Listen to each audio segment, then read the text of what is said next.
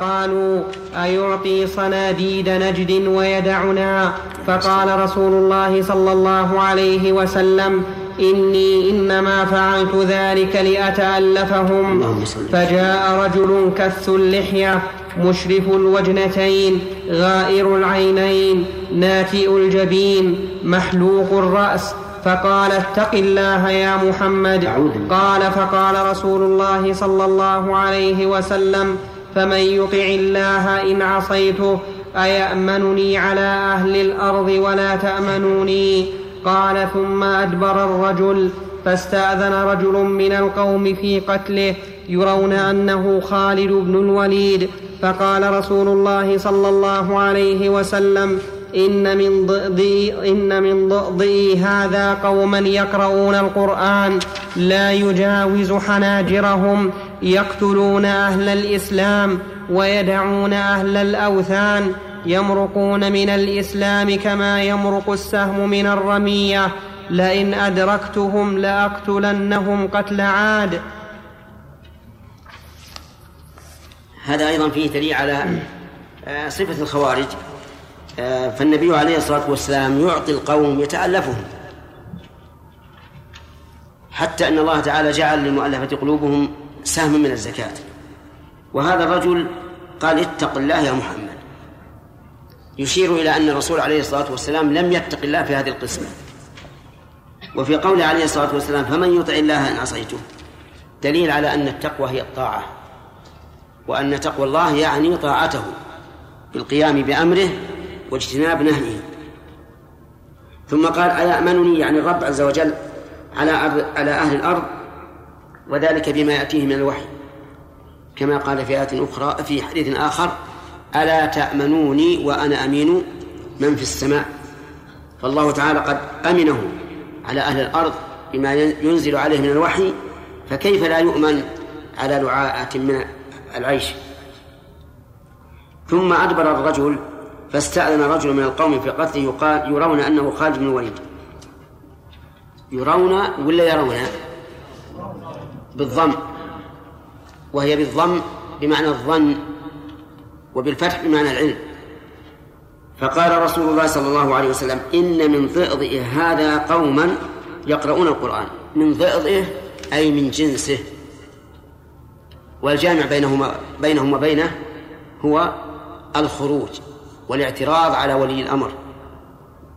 فهو خارجي لكن بالقول. وأجناسه خارجيون لكن بالفعل. ولهذا قال فقال إن من ضئضئ هذا قوما يقرؤون القرآن لا يجاوز حناجرهم. اللهم أوصل القرآن إلى قلوبنا. يقتلون أهل الإسلام ويدعون أهل الأوثان. وهذا هو الواقع.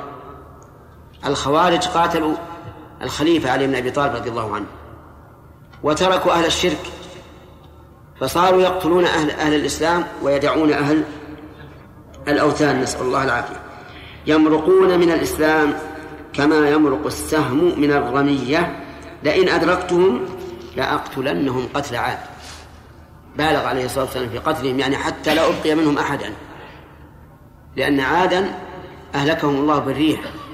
حتى أصبحوا لا يرى إلا مساكنهم. وفي هذا دليل على أن هؤلاء الخوارج دمهم حلال. لأن النبي صلى الله عليه وسلم قال لئن أدركتهم لأقتلنهم. وفيه أيضا أن الخارجي قد يكون ظاهره الصلاح وأنه يدعو إلى الصلاح وإلى الإصلاح وليس كذلك.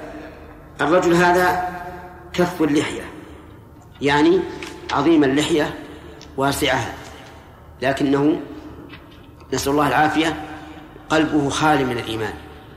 إذ أنه يقرأ القرآن ولا يتجاوز حنجرته نعم. حدثنا قتيبة بن سعيد قال حدثنا عبد الواحد عن عمارة بن القعقاع قال حدثنا عبد الرحمن بن أبي نعم قال سمعت أبا سعيد الخدري يقول بعث علي بن أبي طالب إلى رسول الله صلى الله عليه وسلم إلى رسول الله صلى الله عليه وسلم من اليمن بذهبة في أديم مقروض لم تحصل من ترابها. قال فقسمها بين أربعة نفر بين عيينة بن حصن والأقرع بن حابس وزيد الخيل والرابع إما علقمة بن علاثة وإما عامر بن الطفيل. فقام فقال رجل من أصحابه كنا نحن أحق بهذا من هؤلاء. قال فبلغ, فبلغ ذلك النبي صلى الله عليه وسلم. فقال ألا تأمنوني وأنا أمين من في السماء؟ يأتيني خبر السماء صباحا ومساء. قال فقام رجل غائر العينين مشرف الوجنتين ناشز الجبهة كث اللحية محلوق الرأس مشمر الإزار فقال يا رسول الله اتق الله. فقال ويلك أولست أحق أهل الأرض أن يتقي الله؟ قال ثم ولى الرجل. فقال خالد بن الوليد يا رسول الله ألا أضرب عنقه؟ فقال لا لعله أن يكون يصلي. قال خالد وكم من مصل يقول بلسانه ما ليس في قلبه؟ فقال رسول الله صلى الله عليه وسلم إني لم أؤمر أن أنقب عن قلوب الناس ولا أشق, ولا أشق بطونهم. قال ثم نظر إليه وهو مكف فقال إنه يخرج من ضئضئي هذا. قوم يتلون كتاب الله رطبا لا يجاوز حناجرهم يمرقون من الدين كما يمرق السهم من الرمية. قال أظنه لئن أدركتهم لئن أدركتهم لأقتلنهم قتل ثمود.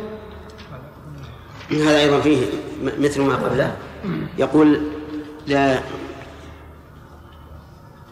في أديم مقروض القرض بمعنى الدبر.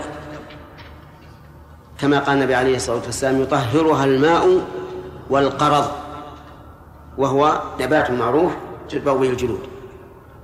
وقوله فقسم بين أربعة واضح. فقال رجل من أصحابه يعني من قريش كنا نحن أحق بهذا من هؤلاء. ولكن الرسول عليه الصلاة والسلام أجاب عن ذلك. بماذا؟ بأنه يتألفهم عليه الصلاة والسلام. وإن كان هؤلاء أحق منهم لأنهم نصروا الرسول عليه الصلاة والسلام وجاهدوا معه لكنها التأليف مهم لا سيما وأن هؤلاء من كبراء قومهم. فينتفع كل قومهم بذلك. وقوله عليه الصلاة والسلام ألا تأمنوني وأنا أمين من في السماء؟ من هو الذي في السماء؟ هو الله عز وجل. وقوله في السماء صريح بإثبات علو الله تبارك وتعالى. علوا ذاتيا كما أنه سبحانه وتعالى عال علوا معنويا. علو المعنوي بإجماع المسلمين. لا أحد يمكن ينكره. علوه الذاتي أنكره طائفتان. طائفة غلت وطائفة غلت من وجه آخر. طائفة قالت إنه ليس في السماء لكنه في كل مكان. كل مكان فالله به. في المسجد في السوق في الجو في البحر في كل مكان. وهذا لا شك أنه كفر. لأنه مناقض تماما لما جاء به لما تواترت به السنة بل وما جاء في القرآن صريحا. طائفة أخرى ليست دونها في القبح. تقول إن الله تعالى ليس في السماء ولا في الأرض ولا متصل بالعالم ولا منفصل عن العالم ولا مباين ولا محايد. فوصفوه بإيش؟ بالعدم. لو لو أنك طلبت من الإنسان أن يصف العدم بمثل هذه الأوصاف لربما يعجز. أما من هداهم الله تعالى لما اختلف فيه من الحق بإذنه فقالوا إن الله في السماء هو نفسه جل وعلا في السماء لكن لا يحيط به مكان لأنه في العلو والعلو يعني هوى ما في ما في ما في شيء يعني يحاذي الله عز وجل. كل شيء فهو تحت الله. والله تعالى فوق كل شيء. لا يحيط به شيء. وهو سبحانه وتعالى عال على كل شيء وعلوه الذاتي من صفاته الذاتية التي لا يمكن أن ينفك عنها. فإن قال قائل في السماء المعروف أن في للظرفية. فهل تقولون إن السماء تحيط به؟ نقول إذا قلنا السماء يعني العلو المطلق فلا يقتضي أن تحيط به. لأن ما فوق العالم ليس بشيء إلا الرب عز وجل. فلا يكون هناك ظرف حتى نقول إنه يحيط بالله. هذا إذا جعلنا السماء بمعنى إيش؟ بمعنى العلو. ما في شيء يحيط بالله. كل شيء فهو تحت الله عز وجل. فلا إشكال في في هذه المسألة. والسماء بمعنى العلو واقع في القرآن والسنة وكلام العرب. قال الله تعالى أنزل من السماء ماء فسالت أودية بقدرها. من السماء منين؟ السحاب. من, من العلو. ما هو من السماء اللي هو السقف المحفوظ؟ ودليل ذلك قول الله تبارك وتعالى والسحاب المسخر بين السماء والأرض. أو يقال إن في بمعنى على. إذا جعلنا السماء هي السقف المحفوظ ففي هنا بمعنى على ولا غرابة أن تأتي فيه بمعنى على لأنها جاءت في القرآن أفصح أفصح الكلام. قال الله تعالى قل سيروا في الأرض. يعني على الأرض. عليها ولا فيها؟ عليها ما هو في باطنها. وقال فرعون للسحرة لأصلبنكم في جذوع النخل. يعني عليها يعني ليس معناه أنه أنه يقطع النخلة أو يشق النخلة ثم يقتل هؤلاء فيها لكن أراد أن يصلبهم عليها صلبا يجعلهم كالداخلين فيها بمعنى أنه يشد عليهم الحبال حتى يكونوا كأنهم من النخلة. طيب إذن لنا في تخريجها وجهان الوجه الأول أن السماء هي العلو وفي للظرفية ولا يعني ذلك أن يحيط به شيء من مخلوقاته لأن ما فوق المخلوقات عدم ما في شيء إلا الرب عز وجل. أو نجعل في بمعنى بمعنى على طيب. إذا قال قائل أثبتتم أن علو الله عز وجل الذاتية صفات ذات صفة ذات. والصفات الذاتية على اسمها. صفة ذات ما تنفك عن الذات. فكيف تجمعون بين هذا وبين كونه تبارك وتعالى ينزل إلى السماء الدنيا حين يبقى ثلث الليل الآخر كل ليلة؟ فالجواب أن نزول الله عز وجل ليس كنزولنا. إذا إذا نزل عن شيء حل حل في الشيء الآخر. إن إن السماوات كلها السبع والأراضين السبع في كف الرحمن؟ ها؟ كخردلة في كف أحدنا. فالسماء لا تحيط به لو نزل إليها. ولا يمكننا أن نتصور أو يحيط عقلنا أو تحيط عقولنا بكيفية صفات الله أبدا. نؤمن بأنه تعالى ينزل حقا ولا ينافي هذا علوه لأنه ليس كمثله شيء وهو السميع البصير. أما من حرف وقال المراد تنزل الرحمة أو المراد ينزل ملك من ملائكته فهذا تحريف. لا يستقيم به المعنى إطلاقا. لأنه مثلا ينزل ربنا إلى السماء الدنيا حين يبقى ثلث الليل الآخر فيقول من يدعوني فأستجيب له. فيقول من الذي يقول؟ الله. الله النازل هو الذي يقول. هل يمكن أن تقول الملائكة من يدعوني فأستجيب له عجيب. لا. هل يمكن أن الرحمة تقول هكذا؟ لا. إذا كان نزول الرحمة إلى السماء الدنيا أي فائدة لنا من رحمة تنزل إلى السماء الدنيا ولا تصل لنا أي فائدة؟ لا هناك ليس هناك فائدة.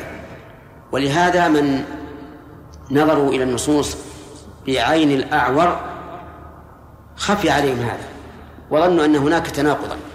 والواجب على المسلم أن يسلم ويستسلم للنصوص كما جاءت. وفي أيضا يقول يأتيني خبر السماء صباحا ومساء وذلك بالوحي الذي يوحيه الله عز وجل إلى رسوله صلى الله عليه وسلم. البقية أنه قال لما استأذنه خالد بن الوليد أن يقتله قال لا لا لعله أن يكون يصلي وفي هذا إشارة واضحة إلى أن من لا يصلي فهو حلال الدم لأن النبي صلى الله عليه وسلم لم يجعل مانعا من قتل هذا الرجل إلا أنه يصلي. وهو شاهد واضح للأدلة الكثيرة الدالة على كفر تارك الصلاة كفرا أكبر مخرجا من الملة مبيحا للدم. وهذا القول ولله الحمد كان مهجورا وكان لا يسمع به إلا قليلا. لكن في الآونة الأخيرة ولله الحمد انتشر هذا القول. ومع ذلك لا لم لم يعدم معارضا لكنهم يعارضون بما ليس بمعارض. لأن الأحاديث الدالة على كفر تارك الصلاة بل, بل النصوص من كتاب وسنة وإجماع الصحابة أو يكاد يكون إجماعا تعبى ما ذكره هؤلاء. وعليه؟ فهذا الحديث ينبغي أن يضم إلى أدلة كفر تارك الصلاة. يقول إيه، نعم. قال خالد كم من مصل يقول بلسانه ما ليس في قلبه؟ هذا صحيح؟ نعم. صحيح. المنافقون يقومون إلى الصلاة لكنهم إذا قاموا قاموا كسالى صلى يصلون لكن قلبهم خالي من الإيمان نسأل الله العافية. فقال رسول الله صلى الله عليه وسلم إني لم أومر أن أنقب عن قلوب الناس. بل ولم, ولم يؤمر أن ننقب عن أفعال الناس وأقوال الناس. فنحن لا نؤمر بأن ننقب عن قلوب الناس. لأن القلوب لا يعلم بما فيها إلا إلا الله عز وجل. حتى أفعال الناس وأقوال الناس لم نؤمر بالتنقيب عنها. قال الله تعالى ولا تجسسوا. فنحن لم نؤمر. لكن من أبدى لنا شيئا عاملناه بمقتضى ما أبدى لنا. أما القلوب فلا. يقول كم من من مصل يقول لسان ما فقال إني لم أومر أن أنقب عن قلوب الناس ولا أشق بطونهم. شق البطن ليش؟ ها؟ ليصل إلى القلب أو لا أشق بطونهم لأنظر ما ما ما أكلوا وما طعموا هل هو حلال أو حرام؟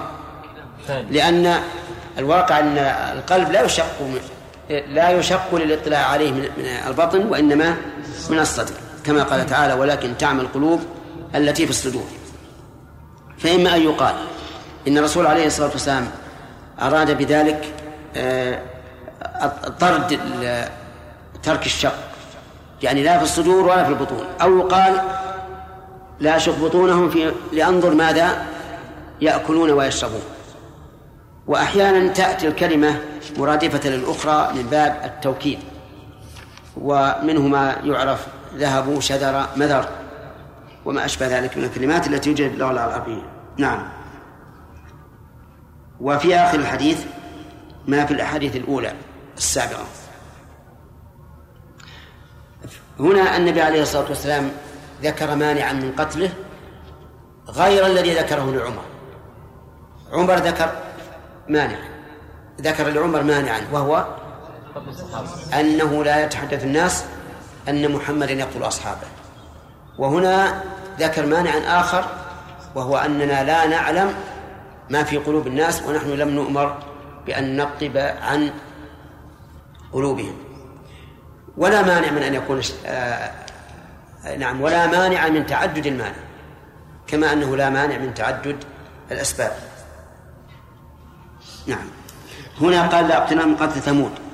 والحديث السابق قتل عاد ولا منافاة. لأن ثمود أيضا أهلكوا جميعهم بالرجفة والصيحة والعياذ بالله فأصبحوا في ديارهم جاثمين. حدثنا جاوب السؤال. لا نعم. حدثنا عثمان بن أبي شيبة قال حدثنا جرير عن عمارة بن القعقاع بهذا الإسناد. قال وعلقمة بن علاثة ولم يذكر عامر بن الطفيل. وقال ناكئ الجبهة ولم يقل ناشز. وزاد فقام إليه عمر بن الخطاب رضي الله عنه فقال يا رسول الله ألا أضرب عنقه؟ قال لا. قال ثم أدبر فقام إليه خالد سيف الله. فقال يا رسول الله ألا أضرب عنقه؟ قال لا. فقال إنه سيخرج من ضئضي هذا قوم يتلون كتاب الله لينا رطبا وقال قال عمارة حسبته؟ قال لئن أدركتهم لئن أدركتهم لأقتلنهم قتل ثمود. وحدثنا ابن نمير. قال حدثنا ابن فضيل عن عمارة بن القعقاع بهذا الإسناد. وقال بين أربعة نفر زيد الخير والأقرع بن حابس وعيينة بن حسن وعيينة بن حصن وعلقمة بن علاثة أو عامر بن الطفيل وقال ناشز الجبهة كرواية عبد الواحد وقال إنه سيخرج من ضئضئ هذا قوم ولم يذكر لئن أدركتهم لأقتلنهم قتل ثمود. وحدثنا محمد بن المثنى قال حدثنا عبد الوهاب قال سمعت يحيى بن سعيد يقول أخبرني محمد بن إبراهيم عن أبي سلمة وعطاء بن يسار أنهما أتيا أبا سعيد الخدري فسألاه عن الحرورية. هل سمعت رسول الله هل سمعت رسول الله صلى الله عليه وسلم يذكرها؟ قال لا أدري من الحرورية ولكني سمعت رسول الله صلى الله عليه وسلم يقول يخرج في هذه الأمة ولم يقل منها. قوم قوم تحقرون صلاتكم مع صلاتهم. فيقرؤون القرآن لا يجاوز حلوقهم أو حناجرهم يمرقون من الدين مروق السهم من الرمية. المراد بالحرورية؟ هم الخوارج وسموا بذلك لأنهم اجتمعوا في موضع يقال له حرورة في ظاهر الكوفة لقتال علي بن أبي طالب. هؤلاء الخوارج كانوا بالأول معه. ضد معاوية رضي الله عنه. ولما حصل الصلح لما حصل الصلح قالوا لا حكم إلا لله. واتهموا علي رضي الله عنه بأنه خرج عن حكم الله عز وجل. وكفروه وقاتلوه. وهم كانوا بالأول معه. نعم. فينظر الرامي إلى سهمه إلى نصله إلى رصافه فيتمارى في الفوقة هل علق بها من الدم شيء. يعني لشدة نهوضها خرجت قبل أن تتلوث بالدم. وهذا إنما يكون من من شدة الانطلاق. حدثني أبو الطاهر قال أخبرنا عبد الله بن وهب قال أخبرني يونس عن ابن شهاب قال أخبرني أبو سلمة بن عبد الرحمن عن أبي سعيد الخدري. حا وحدثني حرملة بن يحيى وأحمد بن عبد الرحمن الفهري.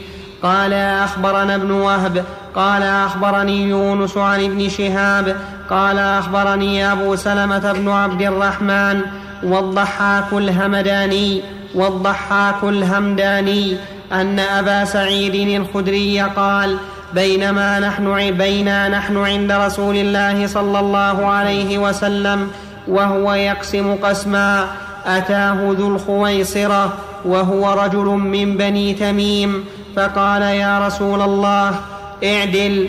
فقال رسول الله صلى الله عليه وسلم ويلك ومن يعدل إن لم أعدل قد خبت وخسرت إن لم, إن لم أعدل فقال عمر بن الخطاب يا رسول الله ائذن لي فيه أضرب عنقه فقال رسول الله صلى الله عليه وسلم دعه فإن له أصحابا يحقر أحدكم صلاته مع صلاتهم وصيامه مع صيامهم يقرؤون القرآن لا يجاوز تراقيهم يمرقون من الإسلام كما يمرق السهم من الرمية ينظر إلى نصله فلا يوجد فيه شيء ثم ينظر إلى رصافه فلا يوجد فيه شيء ثم ينظر إلى, إلى نضيه فلا يوجد فيه شيء وهو القدح. ثم ينظر إلى ثم ينظر إلى قذذه فلا يوجد فيه شيء. سبق الفرث والدم. آيتهم رجل أسود. إحدى عضديه مثل ثدي المرأة أو مثل البضعة. تدر تدردر. يخرجون على حين فرقة من الناس. قال أبو سعيد فأشهد أني سمعت هذا من رسول الله صلى الله عليه وسلم وأشهد أن علي بن أبي طالب رضي الله عنه قاتلهم وأنا معه فأمر بذلك الرجل فالتمس فوجد فأتي به حتى نظرت إليه على نعت رسول الله صلى الله عليه وسلم الذي نعت. اللهم صل وسلم. قال آياتهم يعني علامته يعني علامتهم. فعلا وجد هذا الرجل. وكان علي رضي الله عنه أول ما قدم إلى محل المعركة طلبه ولكنه لم يره.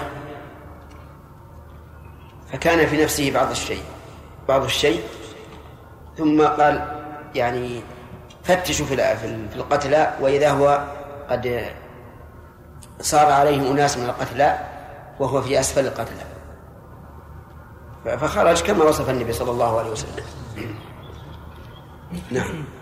وحدثني محمد بن المثنى قال حدثنا ابن أبي عدي عن سليمان عن أبي نضرة عن أبي سعيد أن النبي صلى الله عليه وسلم ذكر قوما يكونون في أمته يخرجون في فرقة من الناس سيماهم التحالق قال هم شر الخلق أو من أشر الخلق يقتلهم أدنى الطائفتين إلى الحق قال فضرب النبي صلى الله عليه وسلم لهم مثلا أو قال قولا الرجل يرمي الرمية أو قال الغرض فينظر في النصل فلا يرى بصيرة وينظر في النضي فلا يرى بصيرة وينظر في الفوق فلا يرى بصيرة. قال قال أبو سعيد وأنتم قتلتموهم يا أهل العراق. ابن الفضل الحداني. قال حدثنا أبو نضرة عن أبي سعيد الخدري أنه قال قال رسول الله صلى الله عليه وسلم تمرق مارقة عند فرقة من المسلمين يقتلها أولى الطائفتين بالحق. والمراد بهؤلاء هم الخوارج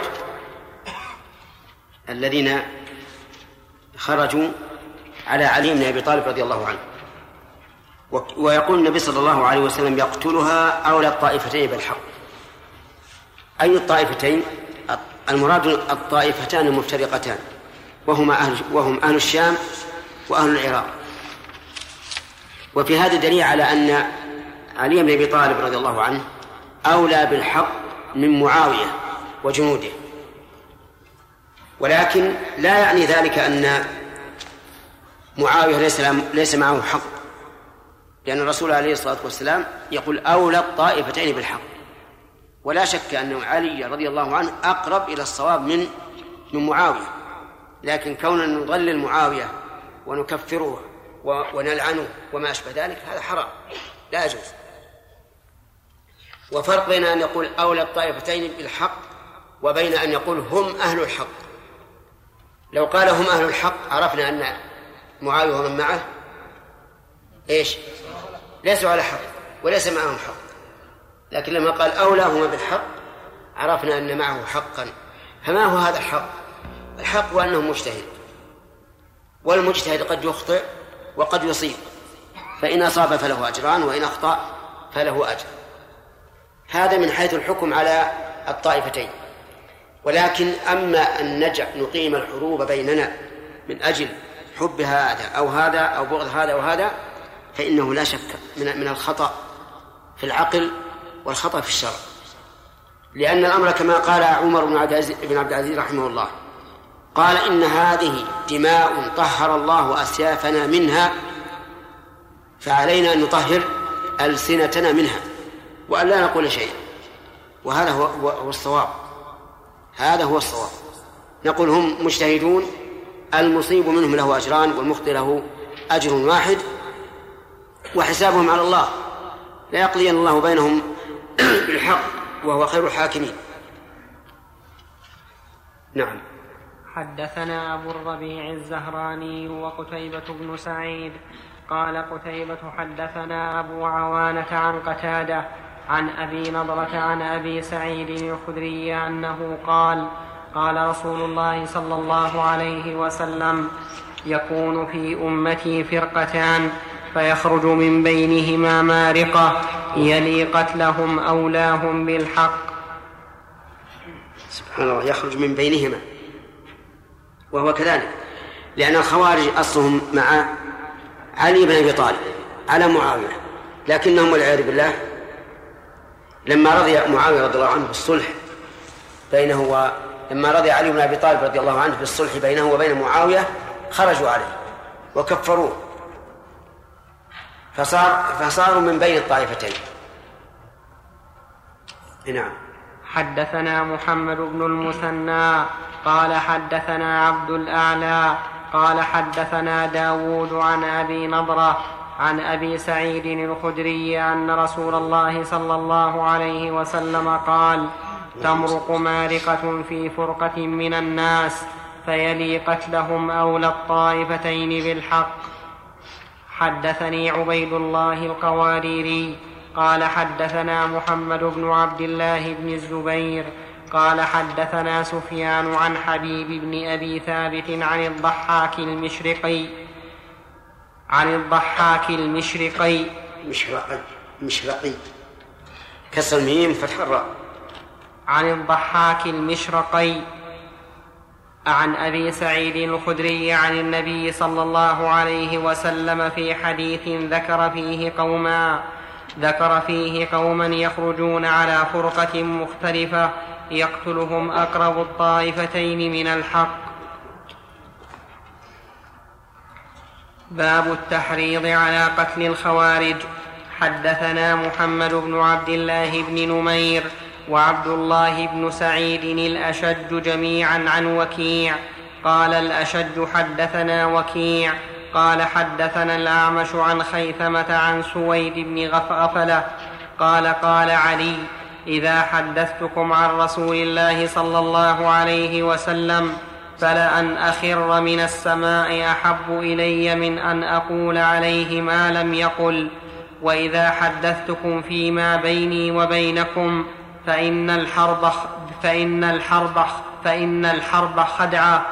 سمعت رسول الله صلى الله عليه وسلم يقول سيخرج في آخر الزمان قوم أحداث الأسنان سفهاء الأحلام يقولون من خير قول البرية يقرؤون القرآن لا يجاوز حناجرهم. يمرقون من الدين كما يمرق السهم من الرمية. فإذا لقيتموهم فاقتلوهم فإن في قتلهم أجرا لمن قتلهم عند الله يوم القيامة. قول أحداث الأسنان يعني صغارا شبابا.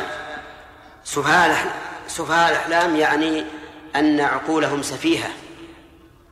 لا ينظرون للعواقب ولا يتصرفون بحكمة فهم سفهاء. يقولون من خير قول البرية. هل المعنى أنهم يقولون قولا خيرا من عند أنفسهم أو يقولون من خير قول البرية أي من قول الرسول صلى الله عليه وعلى آله وسلم لأنه عليه الصلاة والسلام خير البرية؟ أو الأمران جميعا؟ الصواب أنه الأمران جميعا. لأنهم فصحاء بلغاء فيقولون القول يظن الإنسان حقا. وهم أيضا يقولون من قول الرسول عليه الصلاة والسلام. نعم. حدثنا إسحاق بن إبراهيم قال أخبرنا عيسى بن يونس حا وحدثنا محمد بن أبي بكر المقدمي وأبو بكر بن نافع قال حدثنا عبد الرحمن بن مهدي قال حدثنا سفيان كلاهما عن الأعمش بهذا الإسناد مثله. حدثنا عثمان بن أبي شيبة قال حدثنا جرير حا وحدثنا أبو بكر بن أبي شيبة وأبو كريب وزهير بن حرب قالوا حدثنا أبو معاوية كلاهما عن الأعمش بهذا الإسناد وليس في حديثهما يمرقون من الدين كما يمرق السهم من الرمية. وحدثنا محمد بن أبي بكر المقدمي قال حدثنا ابن علية وحماد بن زيد. حا وحدثنا قتيبة بن سعيد. قال حدثنا حماد بن زيد. حا وحدثنا أبو بكر بن أبي شيبة وزهير بن حرب واللفظ لهما.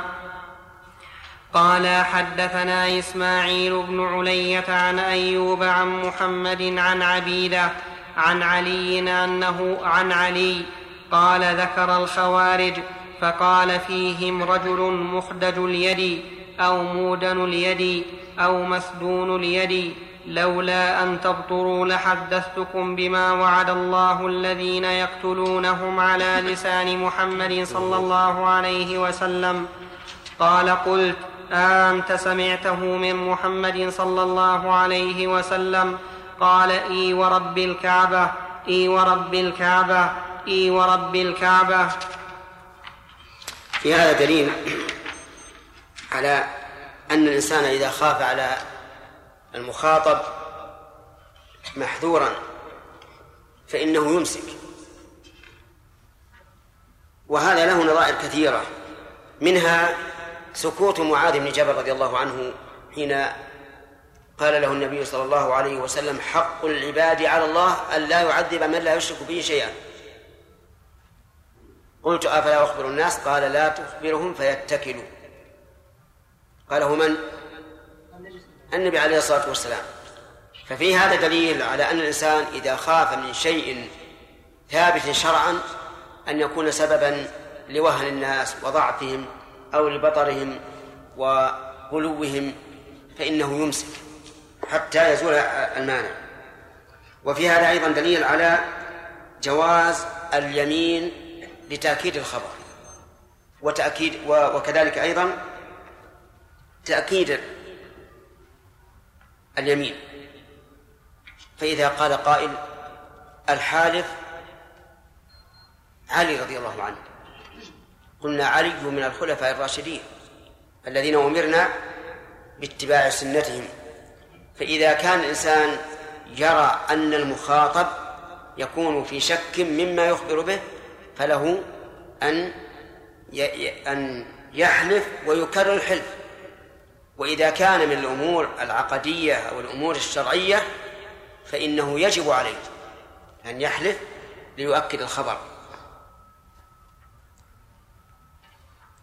وفيه فضيلة الكعبة حيث أضاف علي رضي الله عنه ربوبية الله عز وجل إلى الكعبة وهذه من الربوبية الخاصة.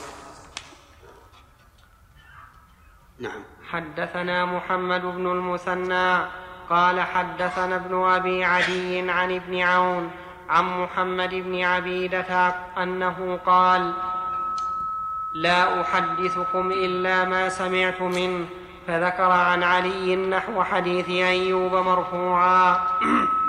حدثنا عبد بن حميد قال حدثنا عبد الرزاق بن همام قال حدثنا عبد الملك بن أبي سليمان قال حدثنا سلمة بن كهيل. قال حدثني زيد بن وهب الجهني. أنه كان في الجيش الذين كانوا مع علي رضي الله عنه الذين ساروا إلى الخوارج. فقال علي رضي الله عنه أيها الناس إني سمعت رسول الله صلى الله عليه وسلم يقول يخرج قوم من أمتي يقرؤون القرآن ليس قراءتكم إلى قراءتهم بشيء ولا صلاتكم إلى صلاتهم بشيء ولا صيامكم إلى صيامهم بشيء. يقرؤون القرآن يحسبون أنه لهم وهو عليهم. لا تجاوز صلاتهم تراقيهم. يمرقون من الإسلام كما يمرق السهم من الرمية. لو يعلم الجيش الذين يصيبونهم ما قضي لهم على لسان نبيهم صلى الله عليه وسلم لاتكلوا عن العمل. وآية ذلك أن فيهم رجلا له عضد وليس له وليس له ذراع على رأس عضده مثل حلمة الثدي. على مثل حلمة على على على رأس عضده مثل حلمة الثدي. عليه شعرات بيض فتذهبون إلى معاوية وأهل الشام وتتركون هؤلاء يخلفونكم في ذراريكم وأموالكم. والله إني لأرجو أن يكونوا هؤلاء القوم فإنهم قد سفكوا الدم الحرام وأغاروا في سرح الناس فسيروا على اسم الله. قال سلمة بن كهيل فنزلني زيد بن وهب منزلا حتى قال مر حتى قال مررنا على قنطرة فلما التقينا وعلى الخوارج يومئذ عبد الله بن وهب الراسبي فقال لهم ألقوا الرماح وسلوا سيوفكم من جفونها فإني أخاف أن يناشدوكم كما ناشدوكم يوم حرورا. فرجعوا فوحشوا فرجعوا فوحشوا برماحهم وسلوا السيوف وشجرهم الناس برماحهم قال وقتل بعضهم على بعض وما أصيب من الناس يومئذ إلا رجلان فقال علي رضي الله عنه التمسوا فيهم المخدج فالتمسوه فلم يجدوه فقام علي رضي الله عنه بنفسه حتى أتى ناسا قد قتل بعضهم على بعض. قال أخروهم فوجدوه مما يلي الأرض فكبر ثم قال صدق الله وبلغ رسوله. قال فقام إليه عبيدة السلماني فقال يا أمير المؤمنين أالله الذي لا الله. الله. عندي. ما عندي مد. ما عندي مد. الله. عندي همزة يا شيخ. إيه. الله الذي أ- أ- همزتين؟ لا همزة على ألف. إيه. آه الله. ال- الهاء مفتوحة عندي. كيف؟ الهاء مفتوحة عندي. لا إن تجر لنا قسم. ما عندك تعليق عليها؟ ما ذكر شيء يا شيخ ما ذكر شيء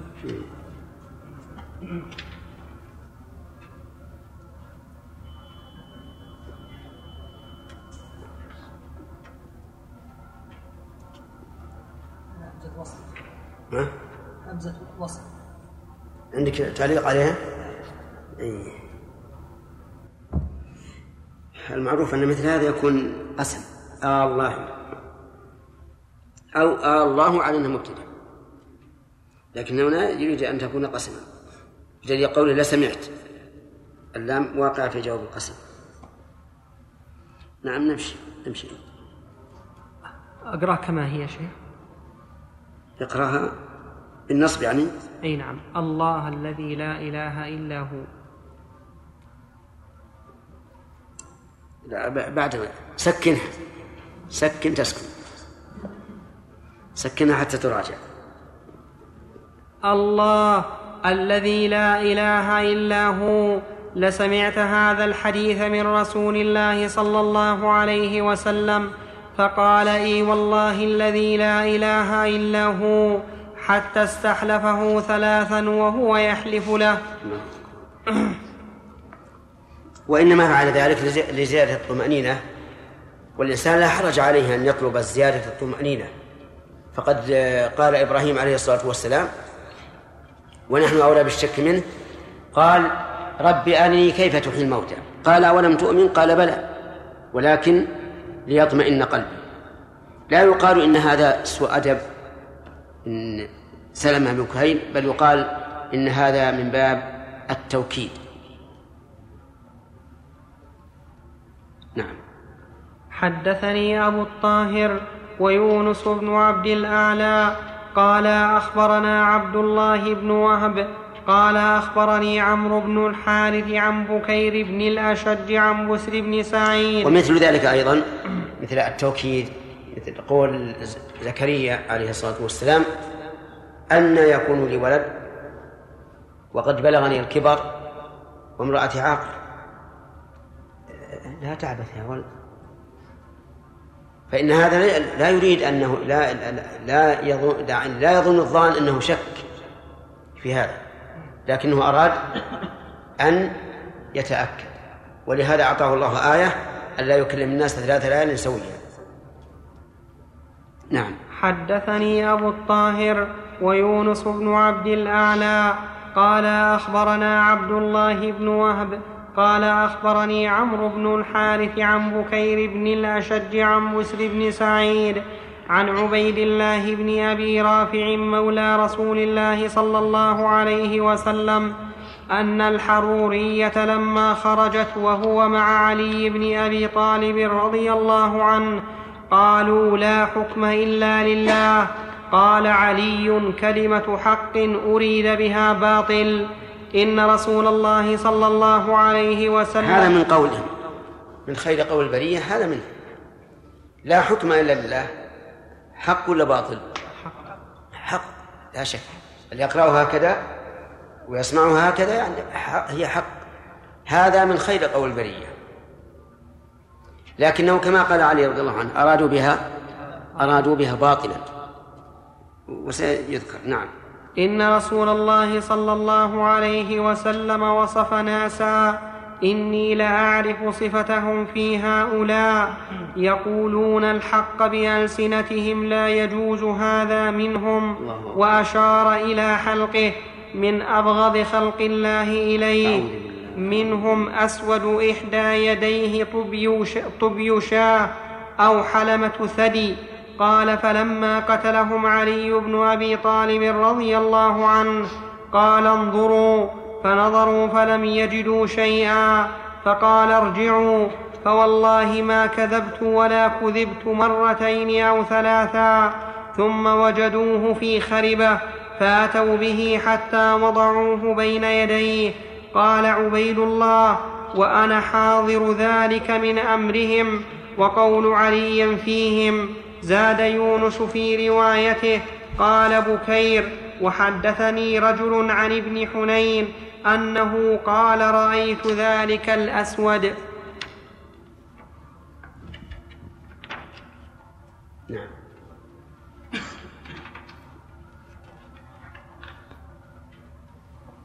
باب الخوارج شر الخلق والخليقة. حدثنا شيبان بن فروخ قال حدثنا سليمان بن المغيرة قال حدثنا حميد بن هلال عن عبد الله بن الصامت عن أبي ذر أنه قال قال رسول الله صلى الله عليه وسلم ان إن بعدي من أمتي أو سيكون بعدي من أمتي قوم يقرؤون القرآن لا يجاوز حلاقيمهم يخرجون من الدين كما يخرج السهم من الرمية ثم لا يعودون فيه. هم شر الخلق والخليقه فقال ابن الصامت فلقيت رافع بن عمرو الغفاري أخا الحكم الغفاري. قلت ما حديث سمعته من أبي ذر؟ سمعته. ما قلت ما حديث سمعته من أبي ذر؟ كذا وكذا. فذكرت له هذا الحديث. فقال وأنا سمعته من رسول الله صلى الله عليه وسلم. حدثنا أبو بكر بن أبي شيبة قال حدثنا علي بن مسهر عن الشيباني عن يسير بن عمرو قال سألت سهل بن حنيف هل سمعت النبي صلى الله عليه وسلم يذكر الخوارج؟ فقال سمعته وأشار بيده نحو المشرق. قوم يقرؤون القرآن بألسنتهم لا يعدو تراقيهم يمرقون من الدين كما يمرق السهم من الرمية. وحدثناه أبو كامل قال حدثنا عبد الواحد قال حدثنا سليمان الشيباني بهذا الإسناد وقال يخرج منه أقوام.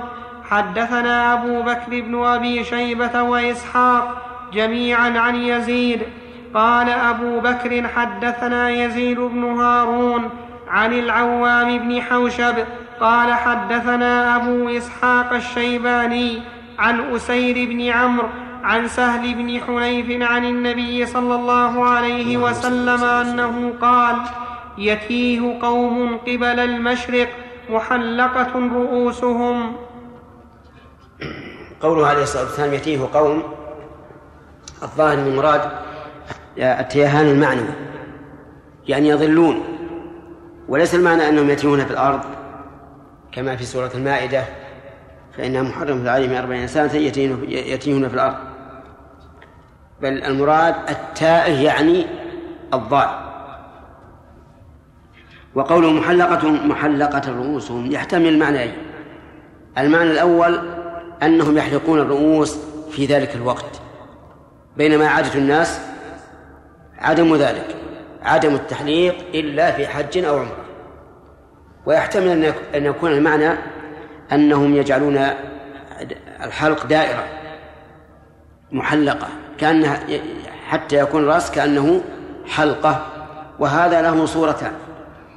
الصورة الأولى أن يحلقوه من الجوانب ويكون وسط الرأس إيش؟ باقيا. والصورة الثانية أن يحلقوا وسط الرأس وتكون الجوانب باقية غير محلوقة.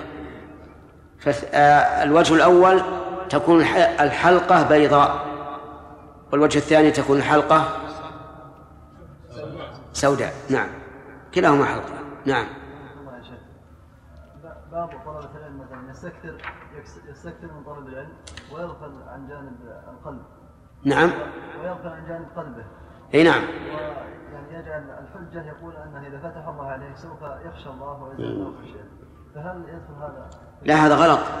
يعني يكون الإنسان يكون عنده اندفاع وانفعال وغيرة على دين الله عز وجل زائدة غير ما يعني غير مضبوطة بحكمة والقلب خالي. هذا غلط. هذا هو وصف الخوارج تماما. أهم شيء صلاح القلب. هذا أهم شيء للإنسان. إذا صلح القلب سهلت عنده الأمور. ورضي بقضاء الله وقدره. حتى لو أن الناس صاروا على أسفل ما يكون من الأخلاق والرذيلة وهو قد أخلص قلبه فإنه يأمر بالمعروف وينهى عن المنكر دون عنف ودون سفه. ويكون معنيا بخاصة نفسه. وقد مر علينا أن الحسن البصري رحمه الله يقول والله ما سبقهم أبو بكر بكثرة صلاة ولا صيام ولكن بما وقر في قلبه. ولهذا تجد كثيرا من العامة عندهم من خشية الله والبكاء عند الوعد والوعيد وغير ذلك ما ليس عند كثير من طلبة العلم. فالمهم يا إخواني العناية بالقلب أصلح الله قلبي وقلوبكم. العبرة بصلاح القلب. نعم. بارك الله فيكم. من الناس من هو ولي الحجة. حتى لو يعني عرف الإنسان يعني مثلا قبل الدخول معه في كلام أن الحق يجانبه لكنه عندما يسمع منه يستميل قلب المخاطب. هل مثل هذا الصنف يعني ينصح الإنسان بالابتعاد منه وعدم الكلام معهم نعم نعم. أولا هؤلاء الصنف أهل, أهل الشر والبيان. يجب أن لا, أن لا تجادلهم بحضرة الناس. لأنه كما قال النبي عليه الصلاة والسلام إن من البيان لسحرا وربما تجادل ويكون الحق معك لكن يغلبك هذا ذاك في البيان. فيذل الحق. نعم. فلذلك يجب الإنسان يكون على بصيرة. أما إذا كان عنده قدرة على الإقناع والدفاع فيجب أن أن يجادل ولو أمام الناس. شيخ هل يعذر الإنسان بينه وبين الله عز وجل إذا عرف يعني ضعف في المجادلة؟ ما في شك. يعذر والرسول نهى الإنسان أن يهين نفسه فيتكلم بما يستطيع الخلاص منه. أن يذل نفسه أن يذل نفسه. نعم يا سليم. والله عنك يا شيخ. ما دل ما جاء ما قالها الرسول صلى الله عليه وسلم الخوارج ودلها الدليل على على ذلك يدل يستدل على خراب قلوبهم يا شيخ. لأن لأن الوعيد ما يترتب عليه الا خراب خراب العقيدة. نعم. يقول يترتب على خراب العقيدة ولا يترتب على على انهم إنهم اي نعم. على كما قال الرسول عليه الصلاة والسلام حدثاء الأسنان ما بعد يعني ما, ما وصلوا إلى النضج. سفهاء الأحلام ما عندهم عقول حكيمة. تجد مثلا عنده غيره واندفاع للدين ولكن ويستحل دماء المسلمين ويكفرهم ان يا شيخ ما ما ما ما الان من كلام الرسول انهم يقرؤون القران يقرؤون يحفظون صلاتهم صلاتهم وقراءتهم قراءتهم لانهم طلاب يعني كلام حقيقي يمكن خربانه في هذه ثلاثة. نعم. باب تحريم الزكاة على رسول الله صلى الله عليه وسلم وعلى آله وهم بنو قوله ال- ال- ش- مر علينا الخلق والخليقة. هل هي بمعنى واحد؟ أو لا؟ الظاهر والله أعلم بمعنى واحد. وإن كان بعضهم قال الخلق الناس والخليقة ما ما سواهم. فالظاهر إن أنها بمعنى واحد.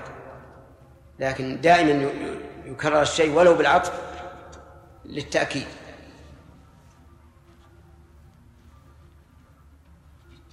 نعم.